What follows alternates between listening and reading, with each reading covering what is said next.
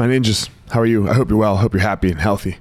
Um, man, I am on a little vacation. I'm seeing my folks for the first time out here. I'm in Hawaii, so um, audio only today. Um, getting to look at a beautiful sunrise. So uh, I hope you are somewhere or hopefully soon doing something very similar. So um, let's get into it, man. I was I was on the bike yesterday down in the in the workout area. They have a Peloton here, so I'm super excited about that. And for me, I was doing a 45 minute workout. And for me, uh, I do really well in the first 30 minutes, 35 minutes. Like I can kill, like just kill. Uh, and then things start to go downhill, right? They, and they don't go all the way downhill. But this saboteur comes. and the saboteur is me and the speech becomes very uh, unskillful. Let's say it, it, it's not the most skillful speech. Where I start to think about quitting.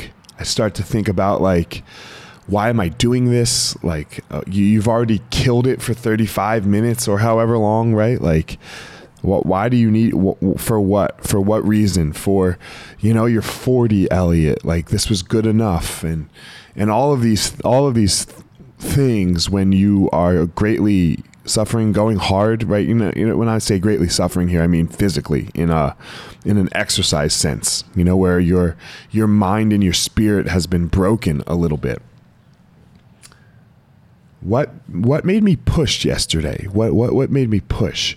And for me, uh, what it came down to was uh, my fighters. Like I, I literally just started thinking about them because they uh, they do everything I ask.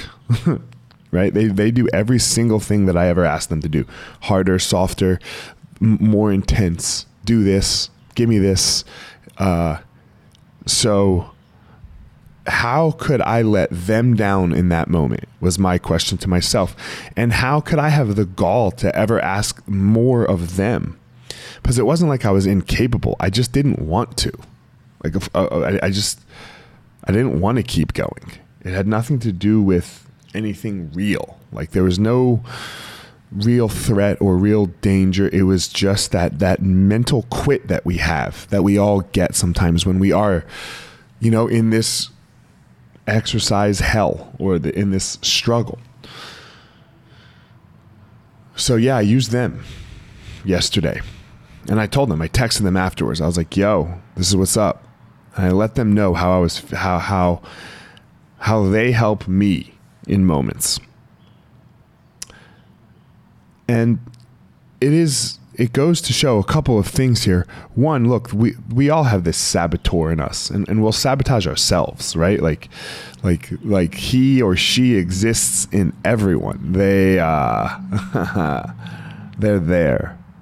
And only only difficulty brings them out. And it's not whether or not this saboteur shows up, it's what do you do afterwards? How do you handle, for me, him? How do I handle him? What are the things that I say to myself after he's he's coming and he's he's he's yelling and screaming at me and telling me to be a coward and telling me that I've done enough when I know that the agreement that I made was to you know, it was a 45 minute workout. That was the agreement. We, we, we made an agreement. I clicked on 45 minutes and I went to do it. When I know that that was the agreement and I wanted to back out of the agreement, it doesn't matter that he showed up. What do you do next? He's always going to show up. He shows up in everyone's life. The greats, he shows up there too you just get really, really good at talking back to him. You just get really, really good at finding the things for you to grasp onto, the true things. And for me, it was the I am that I am a teacher yesterday. Right? I am these people's teacher and I ask a lot of them. So how can I how could I keep asking of them if I can't do to myself? That's where that's where I landed yesterday that's the truth that I landed on. I am a teacher, I am their teacher. Because I told you before that as you face the difficulty, as, as you enter into the darkness and, and the, the hell and the pit of hell, you are going to have to have some roots to hold on to. You're going to have to know who you are to pick yourself out. You, it, it, or you can just leave it up to randomness, where sometimes you do and sometimes you don't. But yesterday for me, it was I am a teacher. That's what got me out of hell.